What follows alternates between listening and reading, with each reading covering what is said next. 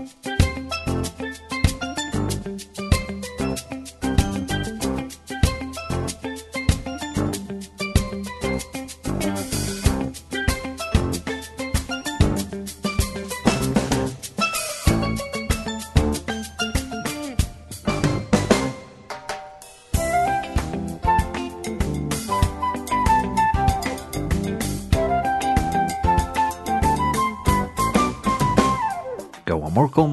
velkommen til sendingsna av Bildtilångt.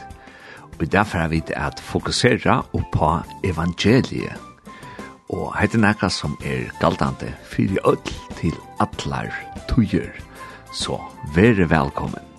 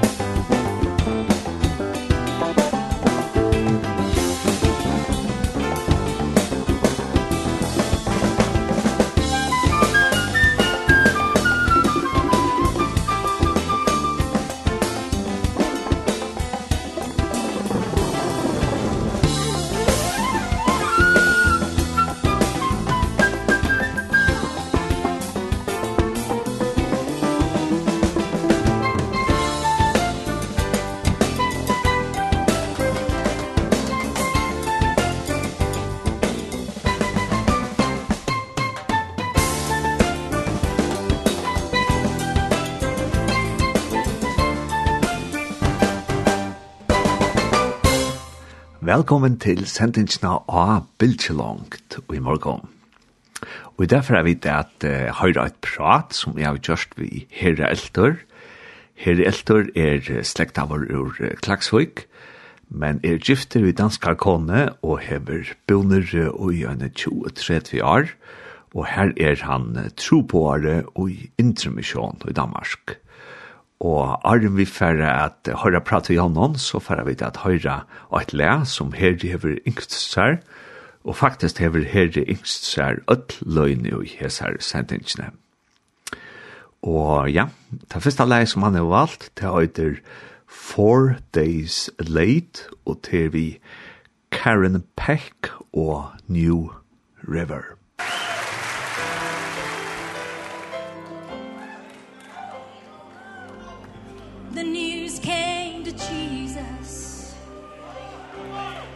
please come fast. Lazarus is sick and without your help he will not last. Mary and Martha watched their brother die. They waited for Jesus. He did not come and they wondered why the death watch was over. Buried for days. Somebody said he'll soon be here. The lord's on his way. Martha ran to him.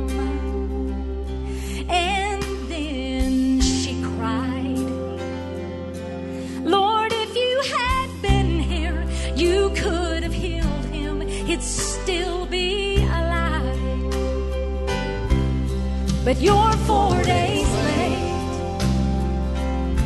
And all hope is gone. Lord we don't understand why you waited so long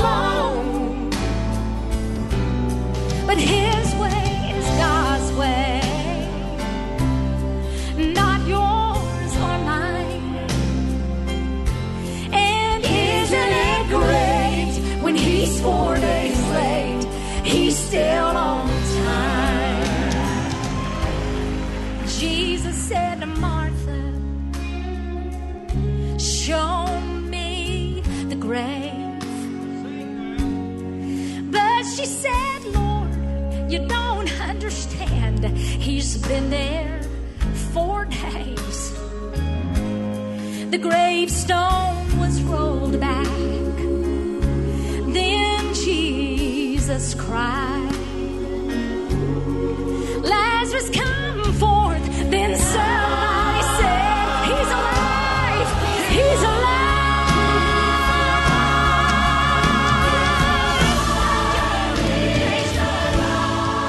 You may be fighting a battle of fear. You've cried too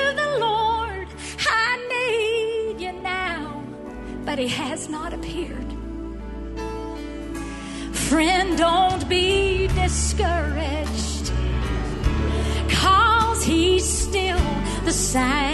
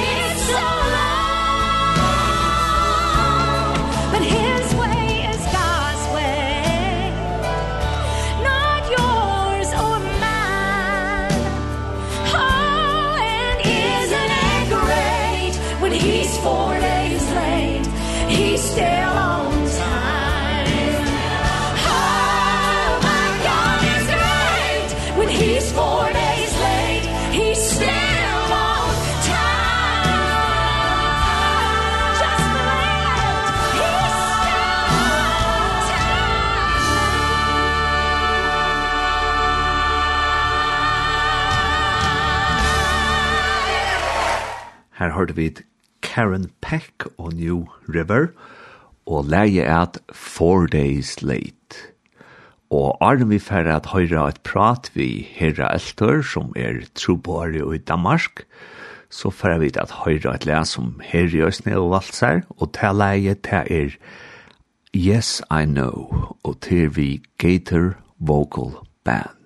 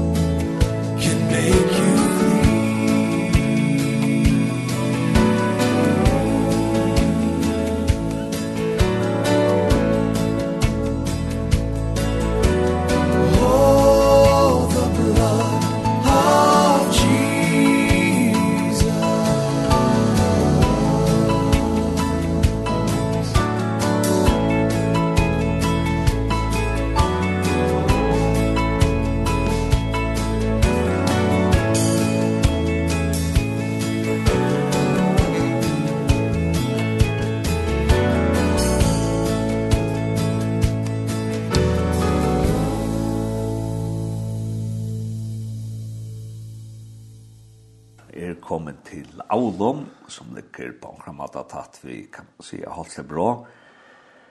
Og her oppe har vi hitt en føring som heter Her Eltor, og da er man hever sendingar i føringen her, så er det ofte faktisk blir hvor er han, og hvor er sleier han av, og hver er han oppvaksne i føringen, så tog han kanskje først byrja vi å svære på den filosofiske spørningen, hvor er Her Eltor? Ja, Ja, først velkommen til, til Aulum eh, jeg, jeg kom jo annars ur Klaksvøk, oppvaksen ur Klaksvøk, og annars har vi ångt døye, og i stortlegg har sagt at uh, papi har føtter av øye, oppvaksen ur kone, gifter i mula, så jeg var ikke ordentlig hver jeg skal si at jeg selv kom fra, men, men jeg har alltid bolaget i Klaksvøk, inte loju 55 kvar og jeg flyttet ned i Danmark og har har faktisk bo i Aulum så så er klaksfinger vi stauron K og, og, og føringer vi, vi stauron F øysene ta jeg husker om uh, nattur og så vi er som, som jeg alltid har gint nek på jo. Ja. Så det er, det er oppvakstrøy jeg mer, ja. Og hvis vi tenker vi, vi at nå bors til Danmark nær aksjon først og ordførjen og forever søvann verkjadar utleggt. Ja, Ehm Jeg, jeg fører hanskola, bibelhalskola i, i Børskap, og det var jo i 46, etter er seks og fors i Drekka bibelskola, og da kom jeg så til at uh, Lugarne, man får høymater, altså flott til høymater til ferger, det det var planen, og det gjør det jo Ta, ta møtte jeg så låne som er nå en konadja med, som kommer fra Olum. Og vi ble øyne om at vi skulle møtes etter. Men jeg får hjem til, til førjer og, og, og begynner i utbyggving. Og, eh, og hun begynner å lese her nere. Men hon flyttet så hjem til, til førjer og, og i Nutsjofors. Da hun var Leo. Og bo så i førjen og seks år. Og jeg, jeg tok bare i utbygging som Timpemauer, og, og Arne har også vært i HF, og, og bo i skola, og, og arbeid så også som troboer har vi fargen. Uh, en av tøytja har vi sjøvne. Og, og i, uh, i 95, ta ta fekk jeg lykka som en stekk i, i arbeid noen. Jeg, jeg, jeg skulle kvila meg løs sinter, man har kanskje brent ljøs sinter i vann endon. Um, men ui tog stekk noen jeg fekk, hver jeg faktisk, uh, stått tog jeg bildet vær oppi av brekke og arbeid i her av verda verstaden. Um, ta tog vi ta avgjør, vi skulle prøve at færa nil Danmarkar. Jeg bygg var, Og, og vi gjør det da i, i en tøyerskøy hver, og sonen Jokken, han var fyra år, Rune som elster, og, og vi tankan om at så kunne vi komme hjemme at Arne han fyrir i skola. Eh, og vi tatt så Østne Maika som var tvei år ta, og, og Monika var avveis, han yngste Jokken. Eh, Men uh, vi, vi kom som sagt til, til Aulum og, og Avari og 95. Og ja, her er vi den. ja. At det blev Aulum til er... Eh, tella ikkje fast som så, men, men, men det blev grundet tog jeg svia foreldrene eh, bo her ta, og, og, og, og vi skulle være tatt vi i kvossver.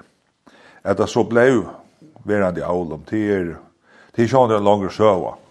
Eh men men eh eh här har vi så bolaga så ja nu och här är det gott av er och det är en en bojer på 500 folk och och och så det ska ju vara större för mig helt så det passar mer fint. Ja. Till och här till och så tror på det ja. Intermission, va? Ja. Alltså tar ju tar vi flott här nere så så så hei jeg det øyla trobel til å begynne vi, tog at jeg, jeg, jeg var flottig fysisk, men ikke, ikke psykisk kan man sige. Eh, tog at jeg, jeg tror at jeg skulle være troboar i heimen fyrre og resten av min liv. Det, det var samfunnet rom. Eh, men, eh, men som jeg sier nok det at, at det er en annan som har en urarnega plan og, og, og, og det blir annerledes. Eh, så da vi kom her nye, så skulle det lukka stinga fingeren i hjørnet, Etla, som vi sier her nere, jeg stinger fingrene i sanden og løs etter. Og, og så begynte jeg arbeidet faktisk til en murer. Og, og det var grunn til at jeg, jeg, jeg var timber med over, men, men jeg ville prøve noe ut. Og for jeg gjerne lenge så, så, så arbeidde jeg til en murerfirmaen faktisk i fyra år. Og i tog togene, faktisk stort at han at jeg var flott nye, ta. Ta minnes det at Torleif Johansen var her nere sjømastrubarne før. Han var, han var nere, og, og, og, og det var sånne kvaringars bo nere da, og det kom på tala for jeg gjør åkt arbeid med kvaringar. Og, uh, her i Kjerpo var øyne av dem som var i Utkjøbenhavn, og det var nek kvaringar rundt omkring, og, og, og jeg ble så oppringd og spurte om jeg ville være vidla, snart åkt opp, og jeg har langt haft åkt før møtet ta, det er helt det var naturlig, det røstel, jeg spjert hei åkt møte og sånn. Ehm og så blev det synte mer skip på at her var først møter möter og til rundt så is. Ehm men och i 55 så eh og så går och i 95 ta blev vi uppringd av bäj introduktion och og spurte om vi skulle komme inn i arbeid som tror på det. Eh, tog tar hugsa at at, at arbeid skulle gjøres med føringar og mara skipa og sånt. Så jeg ble ansett ja Indremisjon i Marsmann 1995. Vi eh, ja på puren og stod av 40% med føringar og 20% som fortjener med danskar. Eh, og at jeg på puren, det er ikke alltid det som, som virker best. Så, så jeg, jeg røste nek med føringar og, og, og ble brukt nek med danskar og, som fortjener. Så Eh, så det, det ble en stor parster av, av min dagliga dag. Alltså, det, det var fast tjeneste jeg kom in nu och, och det bröt sjående oss daglig dag. Så jag kom ner röjsa nog snäck, alltså utom land.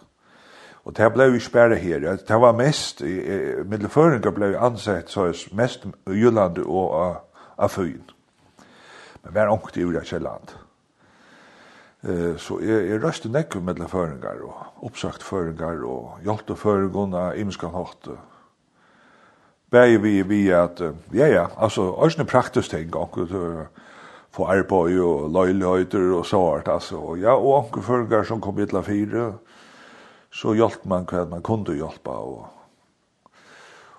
och man opplevde jo også at det var følger som som kanskje røste fra omkring trobløkene i følgen, for at røyna er kommet seg bort ur trobløkene, men det er ofte så at nissen følger med, sier danskerne, så Og det har anke føringar oppleva oss her nere og, og kom i illa fyra i imskan hatt og drekka roi og så vujar, så vujar, ja, og tjona er skillna og man kom inn i nek, nek sovart oss nu føringar og ute ut här att man hejer försk möter och godstjänster och, och husvidtjänster och så vidare. Ja. Ja. Det var lukka som den stora pastren eh, av arbeid i mitten middelen føringar. Og så hit uh, den, danske parten, det var Moira, eh, Moira vanlig möter jag kom ut som fortsinnar, undervisar, ja. Så det var ju en stor parten, ja, tennast jag med, ja. och ta kanst du så fra och og heimer tro på det, och i Heimavisjane Førjan, og var venn vi har falt av møter, og ja, skøy og sart i Førjan, og kom så til Danmark, var, var det måneder ta av som man heier et møte og, og skøy, og i Førjan og i måned til, det som du kom til i Danmark? Eh, Bæg ja og nøy, altså, det var noen ting som var kjent og, og kjent natter, eh, men jeg vil si at som, som uh, var moner av ta i hokse i middelen førsmøter og det danske møten. Uh, og jeg møtte jo ofte som, som uh, først tro på her i middelen av danskere. Det var at, at vittnesporen av møten han fyllte nek mer i fyrjon enn i Danmark.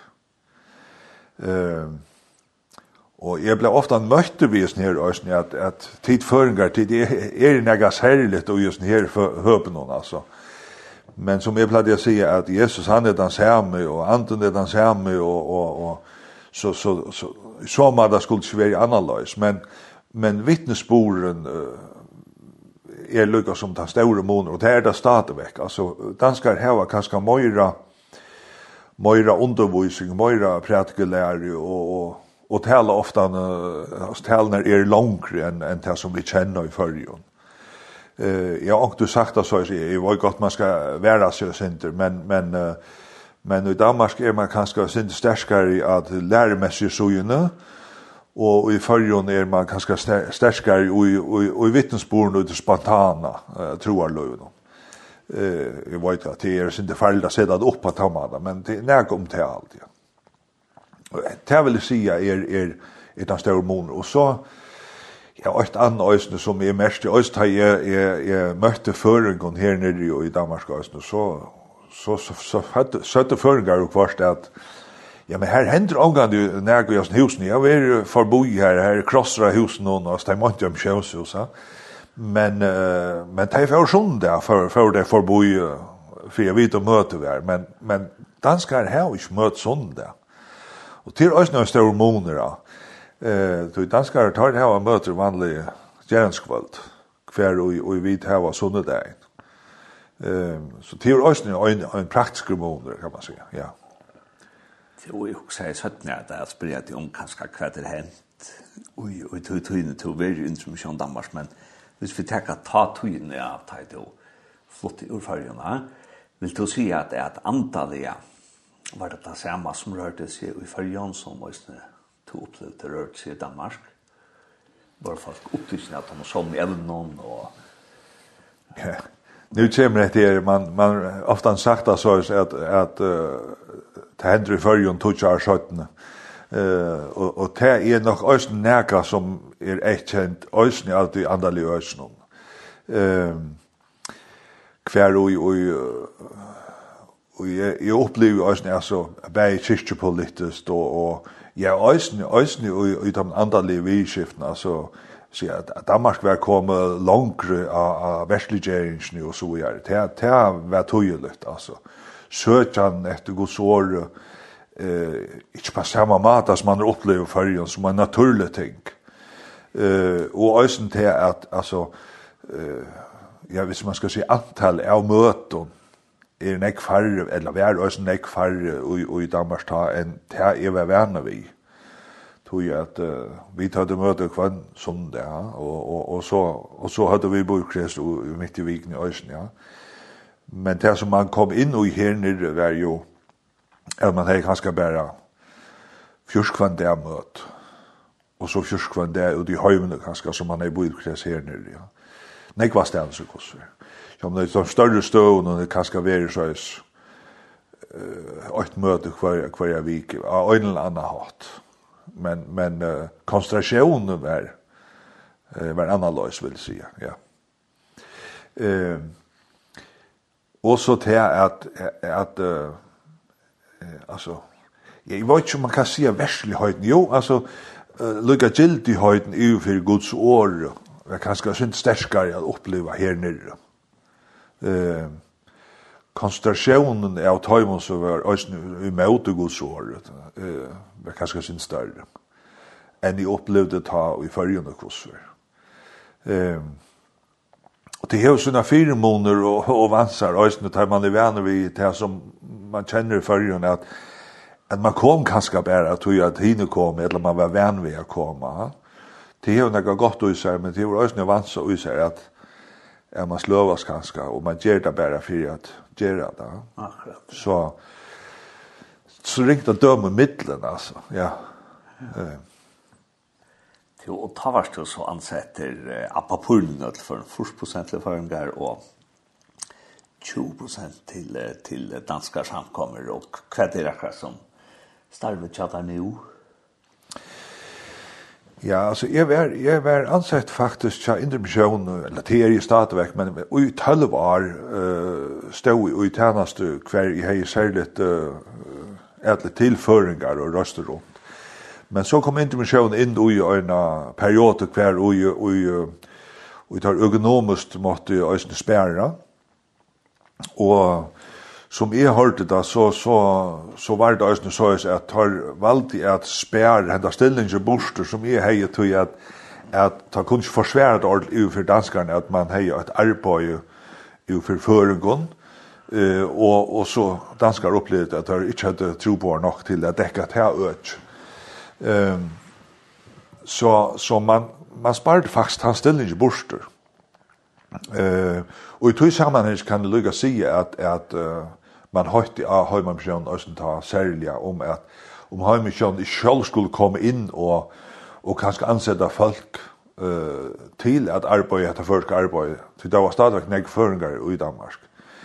Um, og det var jo imiske tankar framme, men det ble så uh, ikke tids nøyre avgjør om det. Uh, akkurat ta hei Høymannsjøen Østenta arbeid og i Estanfiri og Misjøen og så vi er så vi er så så tar var pengar sett i det. Så, så det blev ikke gjørst. Så jeg stillingsdaten i fire, kan man säga, som jeg var i.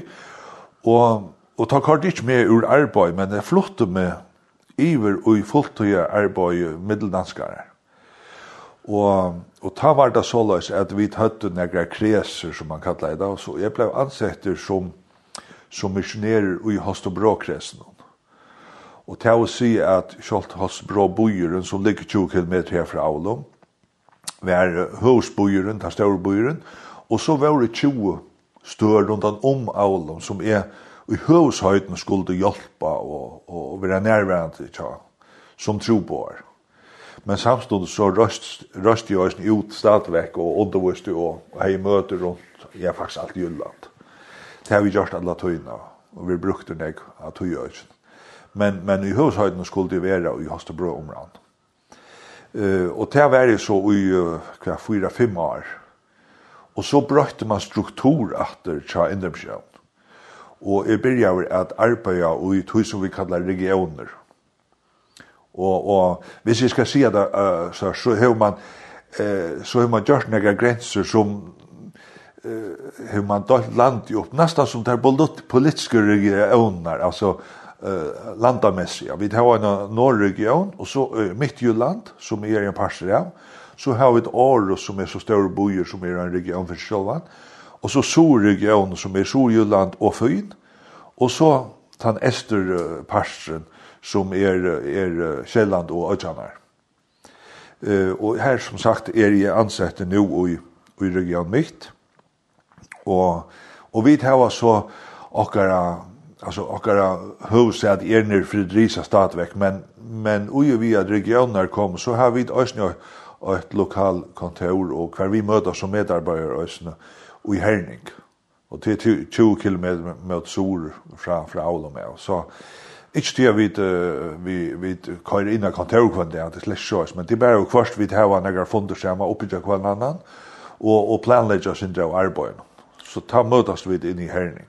Hvordan er det bor er det i Israel mitt regione? Og i hans region er vi til adia stillingar som, som er knyttere av regionen, ja. Onker er, er bare 20 prosent og, og, og, ja, og så er ungdomskonsulenter, og, og så er badnakonsulenter, familjekonsulenter, og så trobor øyne, ja. Og så har vi faktisk en, en, en føring som er, er loyal av regionen mitt, til Hilberstaden. Så han kjenner kanskje ankra. Ja. ja.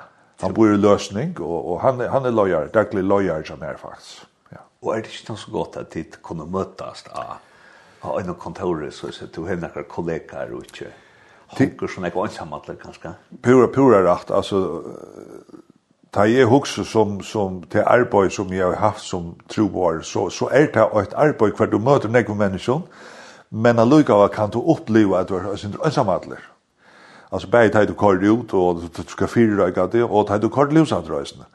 Eh så jag har nytt och medelnek tar vi det har finns en här strukturen vi att vi kunde mötas och och ja dela löv vi kvar annan och och dela tjänster och uppmuntringar och och ja ösna utfordringar vi tant då så helt säkert.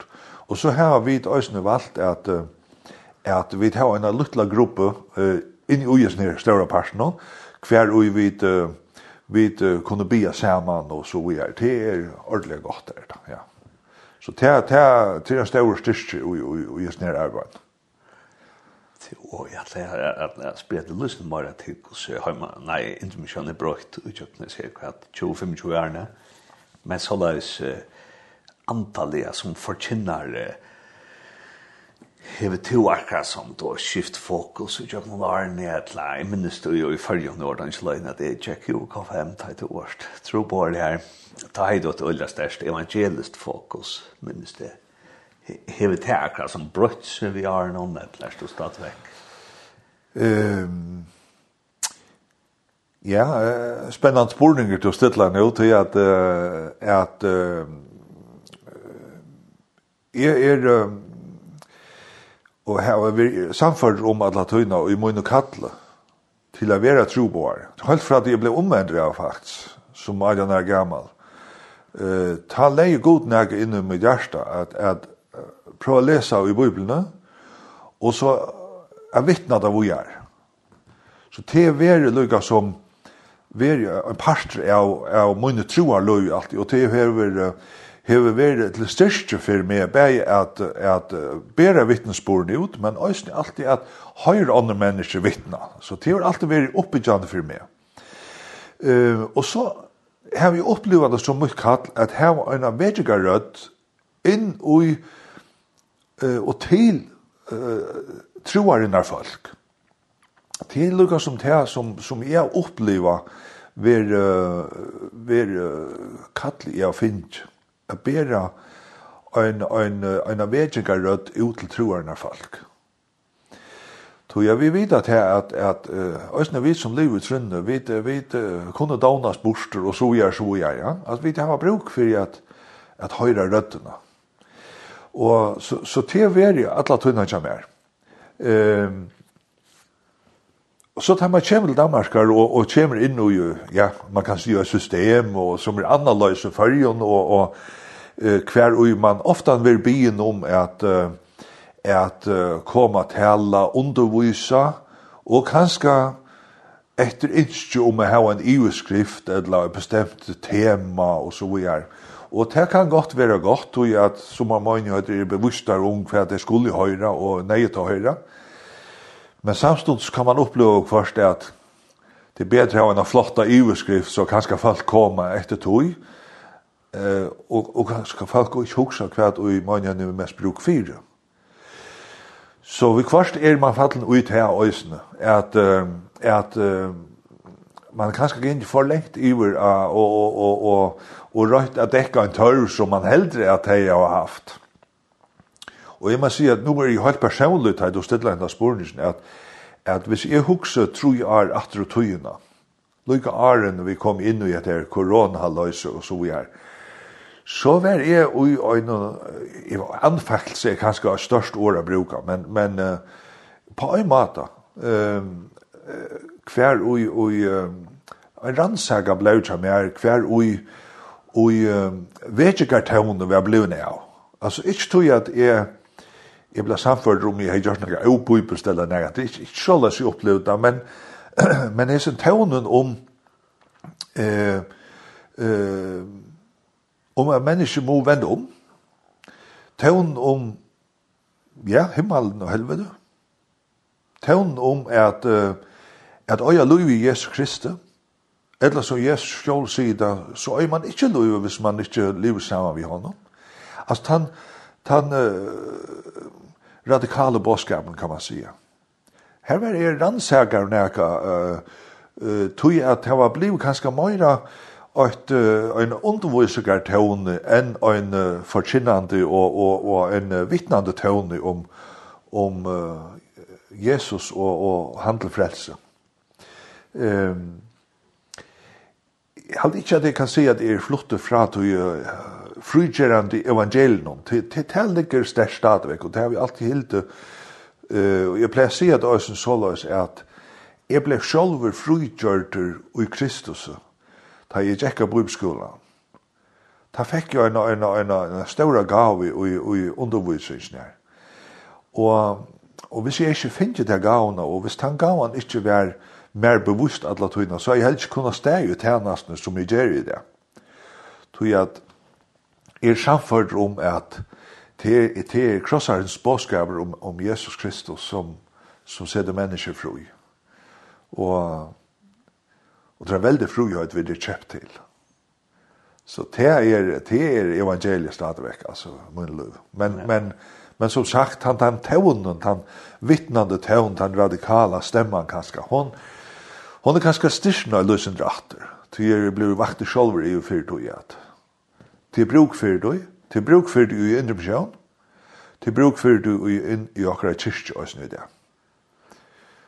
Og, og, og hvis vi akkurat som hoksa sin til det om, for 25 år så gjerne at her samkommer du kom ut til og tant hørven som folk hadde ta av, og så nå tar vi det jo i 2022 og følte jo at at de som gikk av indre intermisjon er i ørvus som samkommer samkommunlimer enn det var å ta. Ja, sjån til Imus hvert stø man kikkar etter. Ja. Nå kom jeg øyne som forginner ut til nek smastø. Hver ui man hef se faktisk i fløyre år at det blir færre og færre, Altså, for jeg sier det så at det er dødja borsi av. Og nek var stans av naturlig grunn til å komme ikke nødt til til at det bygger ikke av støv noen. Jo, det gjør også en, en, en møtløs anda faktisk også til de som, som røyne halde av, til det suttet at det ganger bare øyne ved. Og til på neste spørning hvor, hvor skal stønne horene søgnast da. Eh, her røyne jeg alltid etter, vi, vi tog oppmuntrande og, og, og, og, og kvøyja til at, at være trygg og at uh, at nå de som er her, og ikke huks om alt det de som ikke er her, eller de som burde være. Um, så det er en parster av det. En parster, de har hikker etter om, og synes større støvene som, som er rundt omkring her, så, så, så er det et, et oppvaksende atterlig som vi har mest i akkurat sammenheng. Det vil si at vi har ikke så nek som kommer utifra og, som blev ja, omvänd, radikalt omvänd eller helt nutch. Eh, og det setter, setter mest av okkara samvær i øsene. Eh, det blev lukka som, uh, hva skal man si, vi kjenner tingene, og, og, og det blev lukka som naturligt og på tammatene. Eh, altså visjonen og misjonstanken, eh, og tanken øsene om at mennesker blir omvendt han blir kanskje mer og mer fjærer til at folk husker bare at vi er oppvaksen ute, og så, og så kører det bare. Um, så det er også noe som fyller. Uh, et annet som jeg vil si, altså, da jeg husker om intermisjon, så, uh, så synes jeg vidt at det er, uh, uh, ja, hvis jeg er ferdig, tutjar det tøyna, så var det flere som spott om at nå er livet vi innom sjøen, altså, tar gamle misjonerene som blev vakter i halvfjersen. Tar er i alle i alder noen trus halvfjers år, og tar er nekver av dem er junior nå, ja? i alder. Eh, Kjolt og flere av dem er for kinnar stadvek, men tar er ikke av lønarlistan ikke innbyrkjøn som tror bare. Så nekver satt for trus han sier at her gong bare øyne vi er fri innbyrkjøn. Men, men han lukka av sutja av at nå er flere yngre folk som kommer inn, til arbeid på en annan løs mata. Um, strukturen er annerledes hvis vi skulle si at det så er. Men det brenner også fire til kristne fellesskapen, altså, ved Jesus. Um, men de, de kommer ikke inn som misjonærer vi har en kattle at, og tanker om at det skulle kanskje være negvar, men til mer ansettelse som er en periode. Um, det kan være en åttersperiode, det kan være en trojersperiode, og så utgjatter, og så gjør. Altså, Så det er helt annerledes. Ehm og i det ljøsen har, har vi da snakket oss om at um, at vi kunne renne oss noen inn og, og vi mest at oss langt nå, at vi, vi tar uh, en utfordring i forkjennelsen. Um, Forsteg på tammaten at det som er personlige opplevelser som mye kall, altså den radikale forkynnelsen, eh ta ta bluer tona borster. Tu det ingre hava ikkje forløgan til det, ikkje oppleva det sjølv. Så så på ein måte er det naturligt, da. Og tog jeg aldri det er enda mer viktig at de få som er i etter, som selv har opplevd er bli vakt og vil omvendt, at, at de er avledget som vittnesbord. Så ja, strukturen er annerledes. Og, og, og vi snakker om strukturen, hevet ikke østen er jo intromisjon at at man hever lært nøkker ganske små misjonshus atter og i nærliggjant bygdom og så gjørst et større fellags, eller er det bare ångstene man har gjørst det? Det er sommerstans man har gjørst det, ja. Uh, sommerstans er det gjørst bevisst, og er stans er det gjørst av nei. Um, og ångstans har man tidlig kampen opp eh ösnu ta smá støvun og hevur uppliva at eh eisini jøgnar bøn og så uppliva vat signaur og, og og man ser at det er er ein tendens ösnu nú altså tar man hickar efter folkstrukturen og det er at folk begynner å flyte løsende ut av landet etter. De vil ha synder uh, frier luft og, og, og grønt uh, og i middelfingrene og føtterne. Ja? Eh, og det ser man så lysende atter øysene at at sommerstans koma troerne folk øysene ut ur de større byene. Og, og, ja, og koma inn i, i det minne støyene øysene. Men det er større moner, altså, hvis man er veri kanskje i Aarhus, i Norge Aarhus, Lise, eller et eller annet, og så, og så flyter ut av Bøland, som vi sier her i Danmark. Altså, det er, det er, det er så store moner, at det er riktig at truvast du i tøyme sammenhengen. Ja? Eh, ta vill man ofta en en kyrkje eller fellesskap här og under andra ung er och så gör ja. Så här som flöjer er her är alltid gott att komma alltså så är tanken det kostar.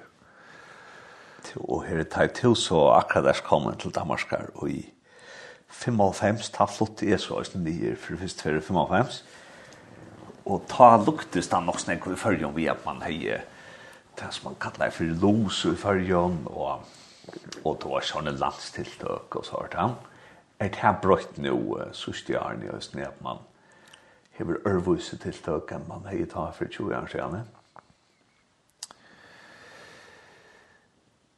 Uh, ja, ja, det, det, det vil jeg si, og her kommer det atter til at, at uh, til, til mer formeren som er jo kanskje brøtt så, så nek, altså, og vi formen hon så, så brøytest, uh, hva skal man sige, jeg vil ikke si inn i halvt der at man har jo stadigvæk malsetningen om at Jesus skal møte mennesker, men, men, uh, men man petter det opp så løs at, uh, at man, man helder alle tunne at folk til te klarer ikke at, at svelja så negv under det, og tog er øyla nei tiltøk, og en stor tiltøk, tiltøk som er hilden, og i indrykjans sammenhenge, de er, er dølt opp og i sånne ekva parter at, at uh, du, du får sånne ekva målager å velge at du kommer til og tiltak. deg. Um, kvar oj oj oj du kan sitta och och ja och dröfta akkurat här som två huvor huxar om är, er spännande alltså okay, så det, det är så nästa seminarier som är helt en oj en vikskifte kvar oj när står ståna är då alltså på tammadan är det helt annorlunda tror jag för vart ofta man samlas och höjer störst möte och och och och så hemma paus i mitten och så hemma åter störst möte och men det är kanske ikke akkurat här som man gjør det alltså Eh, og så døl man øyelig forkynnes opp og, og, og, analys, vil jeg sige. Eh, og kanskje man tek møyra aktuell ting fram eh, og gjør det til drøftelse. Eh, I stedet for at man man uh, hever og, og, og ut fra, fra skriftene, kan man sige. Ja. Og tar vi snakk om, om, om former, så, så hever intermission med det østene forskjellet arbeid. Jeg har internett noen til jeg var en asui som Adam og Eva. Og man hever, um, ja, kanskje det som jeg kjenner til er mer etter som er at intermissionstøy til ta nå og etter impuls og er sin drøvelse. Og kanskje østene vi, vi forland om det at at intermission Danmark hever mest som sett seg av alle kristne utgaver innenfor det kyrkjelige. Ja. Ja så så lås med til messia er heimam eller indre mission og sin øvelse placerer det där för 20 år så ja det är det det är det eh och till ösen tog at at at er fellesskaper som kanskje ikke var så store og rundt i at her var så forlige og så gjør så vi det det blir så dårst och så vidare ja. Och och här är det blir lucka som samla och synde moira alltså intermisjonen er det og en synde moira en paraply organisation kan man säga i sommardagen ehm och jag vill säga att här att att här ger inte mission ett kämpe alltså nekva materialen som som som folkkirkan för til undervisning bäja av mine konfirmanten och konfirmant undervisning som vi er, det er til nega som indre misjon, stender at han og gjer og, og protesterar og så gjør, ja. Og, og alt sånt skola material som vi gjort til størst arbeid som, som, som indre misjon stender at han fyrir. Um, og, og jeg vil si øyne at det er kjempe arbeid i Øtlandheimen uh, klubbarbeid som, som uh, DFS stender fyrir. DFS er, er, er, er badna arbeid, eller sånt skola arbeid kan man sige, eh køyrer kvar skär men men men hur tack nu till va. Ehm det det det har sektere av väldigt mycket arbete som vi görs i mitten. Bøttene her, og, ja, og materialet som du sier. Og, og så er det størst arbeid gjørst av netten. Altså, ned og, og ja, Adam Eva som du nevner, brukt av metalja nekva, altså, til undervisning og, og, og vi nå lengt ut her. Og til her kommer nek mennesker til, til, til oppleve man, altså til som arbeider ute, til her nå vi ut til ånder som, som ikke er, er folk som kommer i okker sammenheng. Ja, og du nevner det var her som heter DFS, det stender for dansk folkekirkelig sønderskole. Ja, ja. Og det kjenner jeg til i Kjelland, det er faktisk løsning i nekka som Luthersmisjonen ikke bruker av evangeliska lutherska frikyrkjer ja. gjør øyne bruk av DFS og yes. ja. ja. Men kanskje en annen brøyting som man ser nå, det er sørste tøtjøren, ja, det er at at innsmykjande Danmark har vært i Øljanek akkurat som sett ui danske fakkakyrkene, men her er jo man så øyne sena brøyting nå, sørste tøtjørene.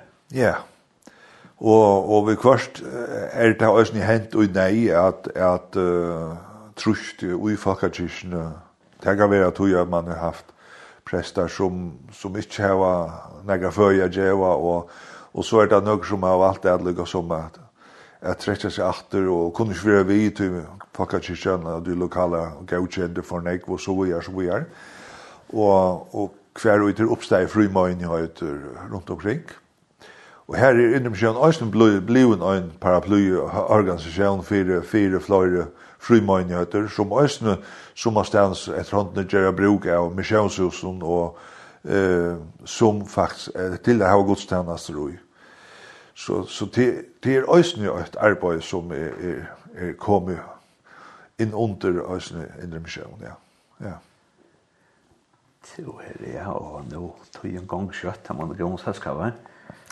Så det er nesten kaldt lenta, men jeg husker jeg lyst til om eh, om om du kanske kunna ja giv ju en en boskap kanske en liten evangelisk boskap att lanta att det har nu till sist och nu nu hugger jag sjön det två hel bild av mars kan jag säga så shade you are at last så det var kanske inte alla detaljerna här om om kafförungar också om och diskutera nu men men som du själv har sagt så är det evangeliet det samma, och det är det samma som det var för 2000 år sedan och lukka fra byrjan av hjørnet, men hvis du kanskje skalt skalt lendans nå, ja, jo åkna et år at, at enda på kan ja. du så sier vi åkken føringer.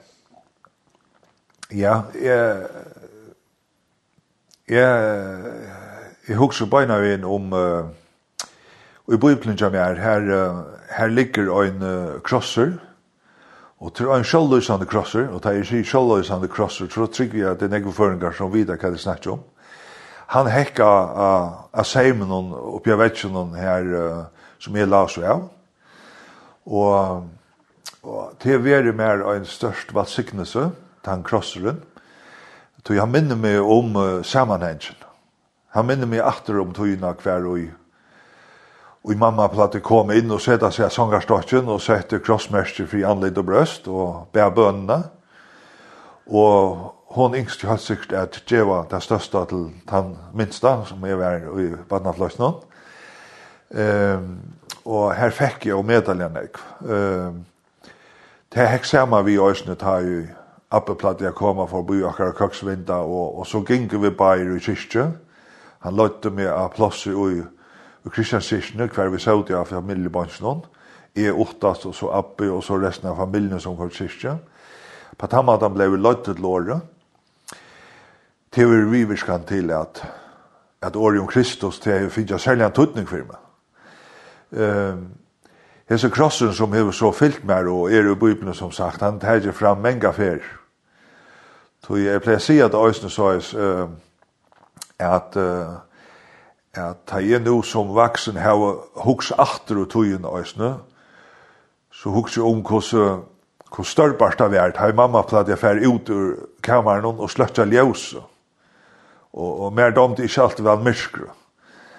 Men, uh, men ta ljøse fra krossen og lyst, ta ljøse var slagt. Så ble det på en særlig måte var siknes inn i mot lov. Og til å være med og prætka sujane ta, og er da i det, og tog gjør vi etter gjerne vujar. At det blir omgant så myrst i en menneskans liv at ljøse fra Kristus av krosset ikke lyser sterskar. Så jeg vil gjerne lytte hette ei krossmersk opp. Og, og skal nega være mot vittnesbord, så, så er det vittnesborden om at det er et plass for hvert et menneske ved Kristi kross. Og hvert av menneska som søker her færre høyra, det året som ble forløsninger året for meg, er at han som kommer til min vil jeg aldri støyta borste fra meg, sier Jesus selv.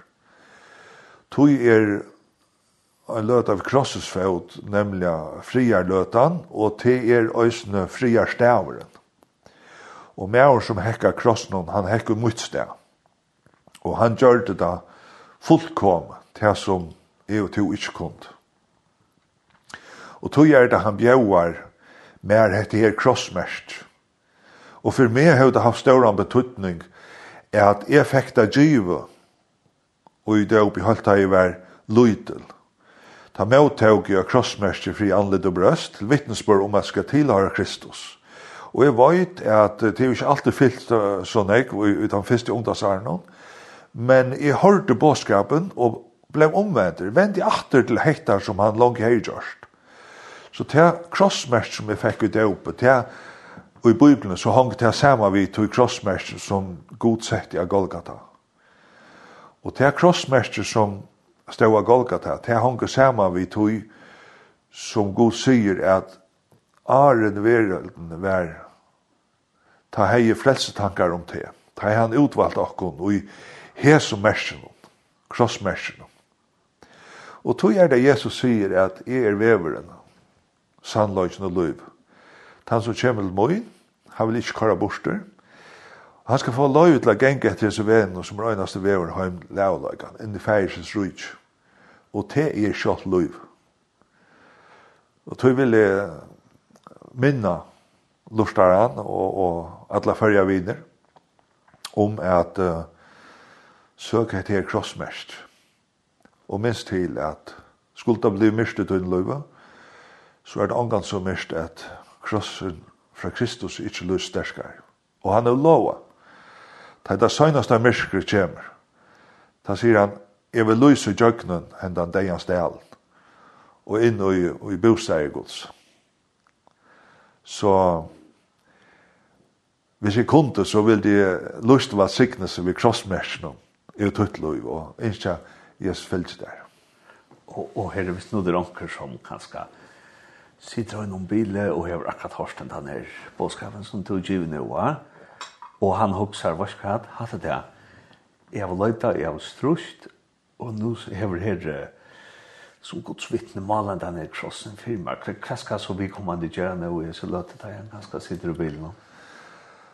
Han og hon som avkallar Herrens navn skal bli frelster, sier skriften. Så avkallar Herrens navn.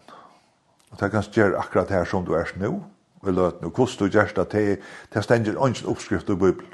Til å begynne bøn. Til å begynne bøn, og du kan helde hendene sammen, og du kan lytte hendene, eller du kan bodja knå, det er ikke testet det som.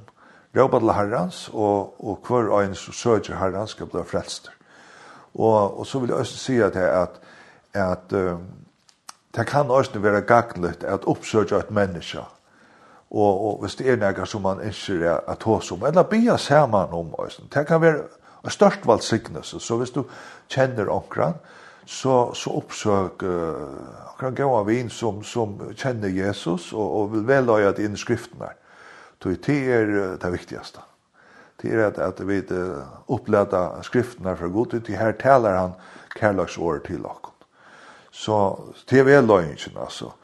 Og, og ja, er du i fargen, så, så har du flere målager, og er man dammer, så, så er det østene målager her, og, og, og du finner også mitt navn og adresse hvis det skulle være. Så hvis jeg kunne være hjelp, så, så er det velkommen.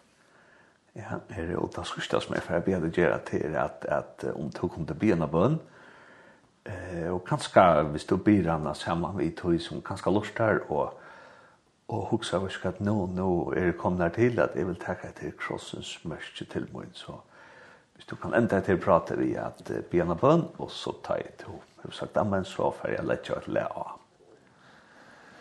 Det er det jeg gjerne. Og gjester navnet, takk for hessa løtene, vi da finner lov til at sitte sammen og, og døyle part av, av oss noen mine vitsbord, og Jesus uh, fyrir hon og henne som som eisne nu hefur hørt eit her og kanskje har rørt en hjarta om krossmerskje. Jeg bygge fyrir til støvet som vi kommande er ui.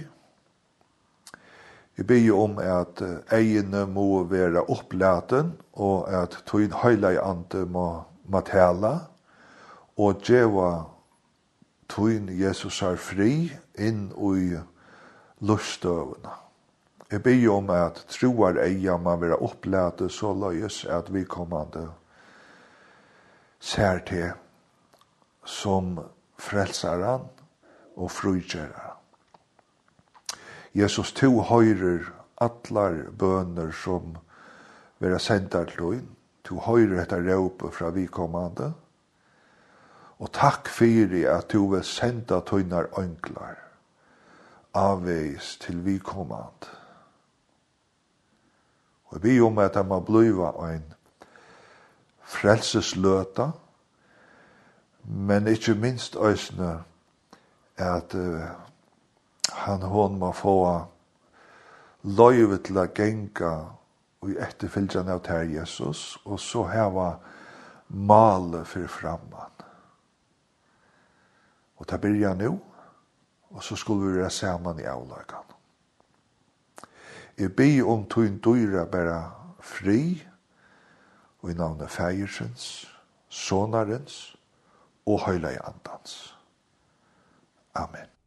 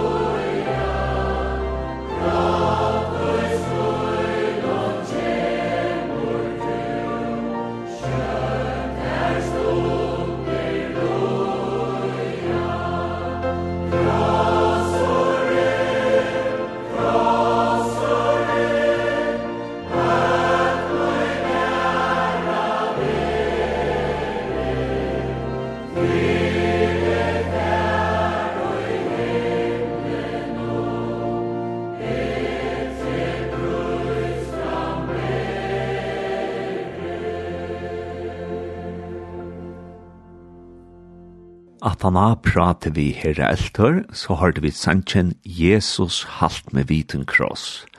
Og hetta var av fløvene Sink Moinsal. Og vi færa nå atter at høyre et les som herre sjolver er valgt, og til Guy Penrod, og sankran øyder The Old Rocket Cross.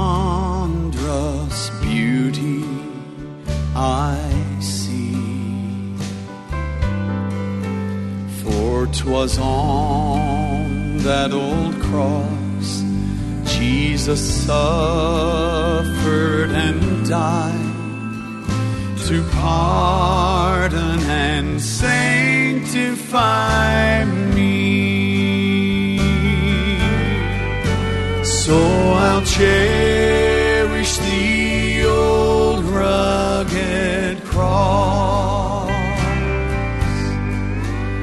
Till my trophies at last I lay down. I will cling to the old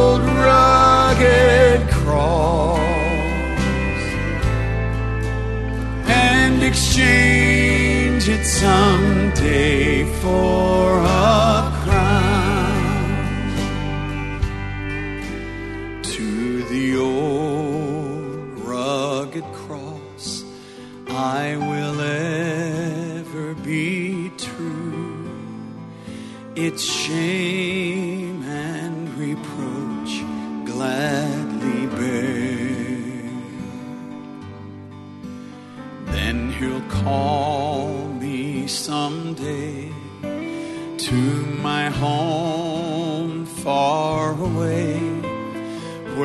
his glory forever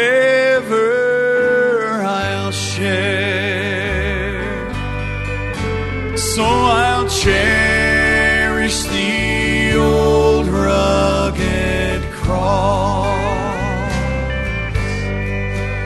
till my trophies at last I lay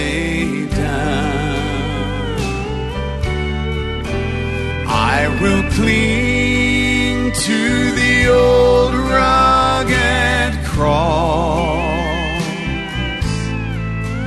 and exchange it someday for a crown. Yes i'll cling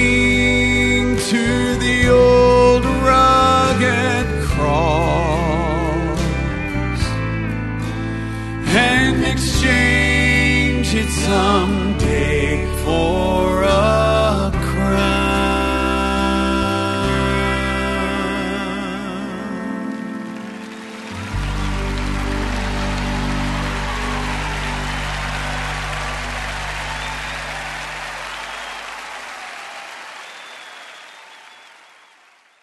Her har du The Old Rocket Cross, og det var vi Guy Penrod og her er han har valgt et le av træt, og det er leie skriv da Jesus på mitt hjerte, og vi får at høyre til leie av en fløve som øyder god der skjer, og det er vi å festival. Så gjør så vel.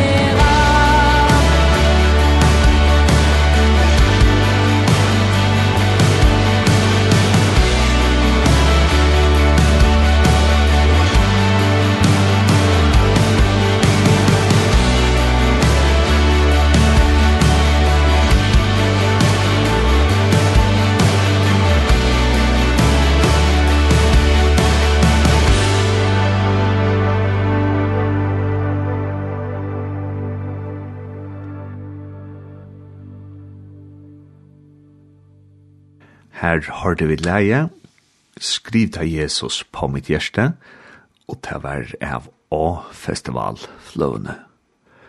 Og vi er nå kommet til enden av hese kjendingsene, og vi hadde et prat vi Herre Elter, som er slekt av ur Klaksvik, men er troboare tja intermisjon i Danmark. Henda sendingen vil enda sendt i kvöld klokka 19.30 og i natt klokka 4 og kommande leier det.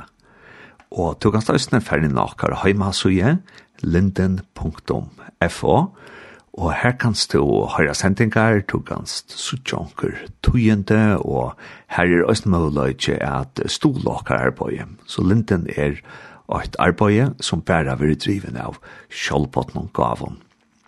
Så fer inn av www.linden.fo, og så finner du nekk godt her. Så jeg ønsker til å komme bare en gående og gods sikning.